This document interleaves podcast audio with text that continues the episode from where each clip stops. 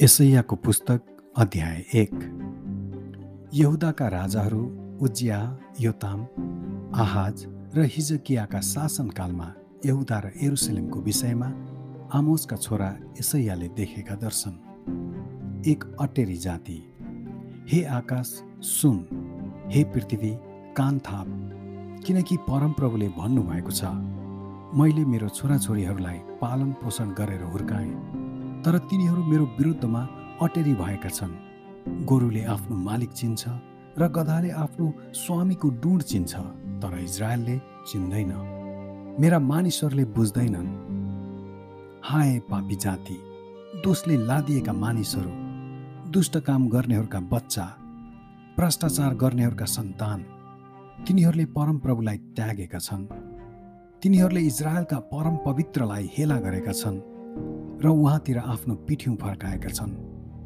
तिमीहरूले किन अझै पिटाइ खानुपर्छ? किन तिमीहरू अझै अटेरी बनिरहन्छौ? तिमीहरूका सारा शिरमा चोट लागेको छ र सारा हृदय पीडित भएको छ। पैतालादेखि टुप्पीसम्मै चोट नभएको कहीँ छैन। चोटै चोट डामहरू र खुल्ला घाउहरू मात्र छन्। ती न त सफा गरिएका न बाँधिएका न तेलले नरम बनाइएका छन्। तिमीहरूको देश उजाड छ। तिमीहरूका सहरहरू आगोले डढाइएका छन्। तिमीहरूको जमिन तिमीहरूकै सामुन्ने विदेशीहरूले नाङ्गो पारिरहेका छन्। परदेशीहरूले नाश पारे झैँ त्यो उजाड पारिएको छ। सियोनकी छोरी चाहिँ दाग पारेको छाप्रो जस्तै खरबुच्चाको मचान जस्तै र घेरिएको सहर जस्तै भएकी छ। यदि सर्वशक्तिमान परमप्रभुले हाम्रा निम्ति केही बाँचेकाहरू नछोड्नु भएको भए त हामी सदुम जस्तै हुने थियौँ। हामी गमौरा जस्तै हुने थियौँ।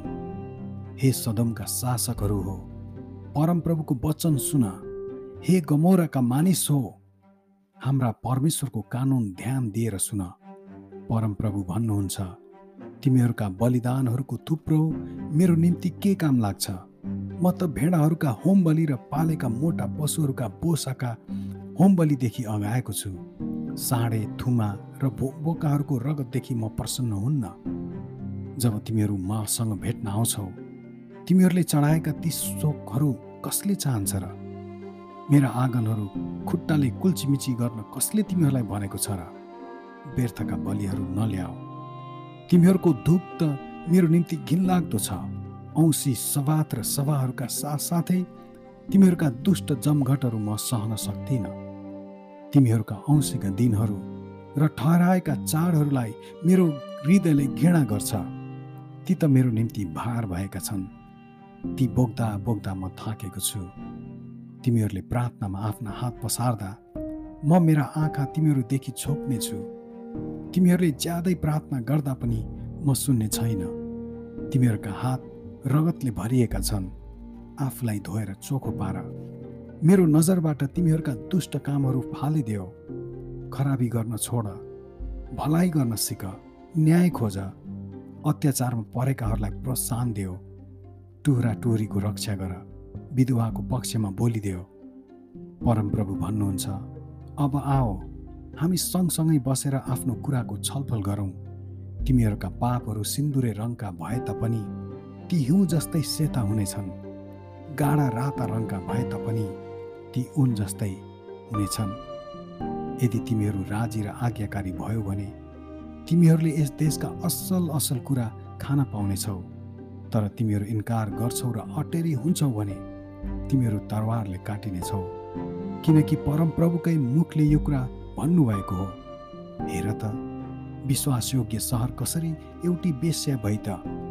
उहिले त्यो न्यायले पूर्ण थियो त्यसमा धार्मिकताले बास गर्थ्यो। तर अब त त्यो हत्याराहरूले भरिएको छ। तेरो चाँदी मैला भएको छ। तेरो दागमध्येमा पानी मिसाइएको छ। तेरो शासकहरू अटेरी र चोरहरूका साथी भएका छन्। तिनीहरू सबैलाई घुस मनपर्छ र उपहारको पछि दौडन्छन् तिनीहरू टुहुरा टुहुरीहरूको पक्ष लिँदैनन्। विधवाहरूको उजुरी तिनीहरू कहाँ पुग्दैन। यसै कारण प्रभु सर्वशक्तिमान परम प्रभु इजरायलका शक्तिशाली परम पवित्र भन्नुहुन्छ। मेरा दुश्मनहरूदेखि म मुक्त हुनेछु र मेरा शत्रुहरूसित साटो लिनेछु। मेरो हात तेरो विरुद्धमा फर्काउनेछु। तेरो मैला जम्मै फालिदिनेछु र तेरा सबै अशुद्धता हटाइदिनेछु। म तेरा न्यायकर्ताहरूलाई पहिलेको जस्तै र तेरा सल्लाहकारहरूलाई सुरुमा जस्तै फेरि नियुक्त गर्नेछु।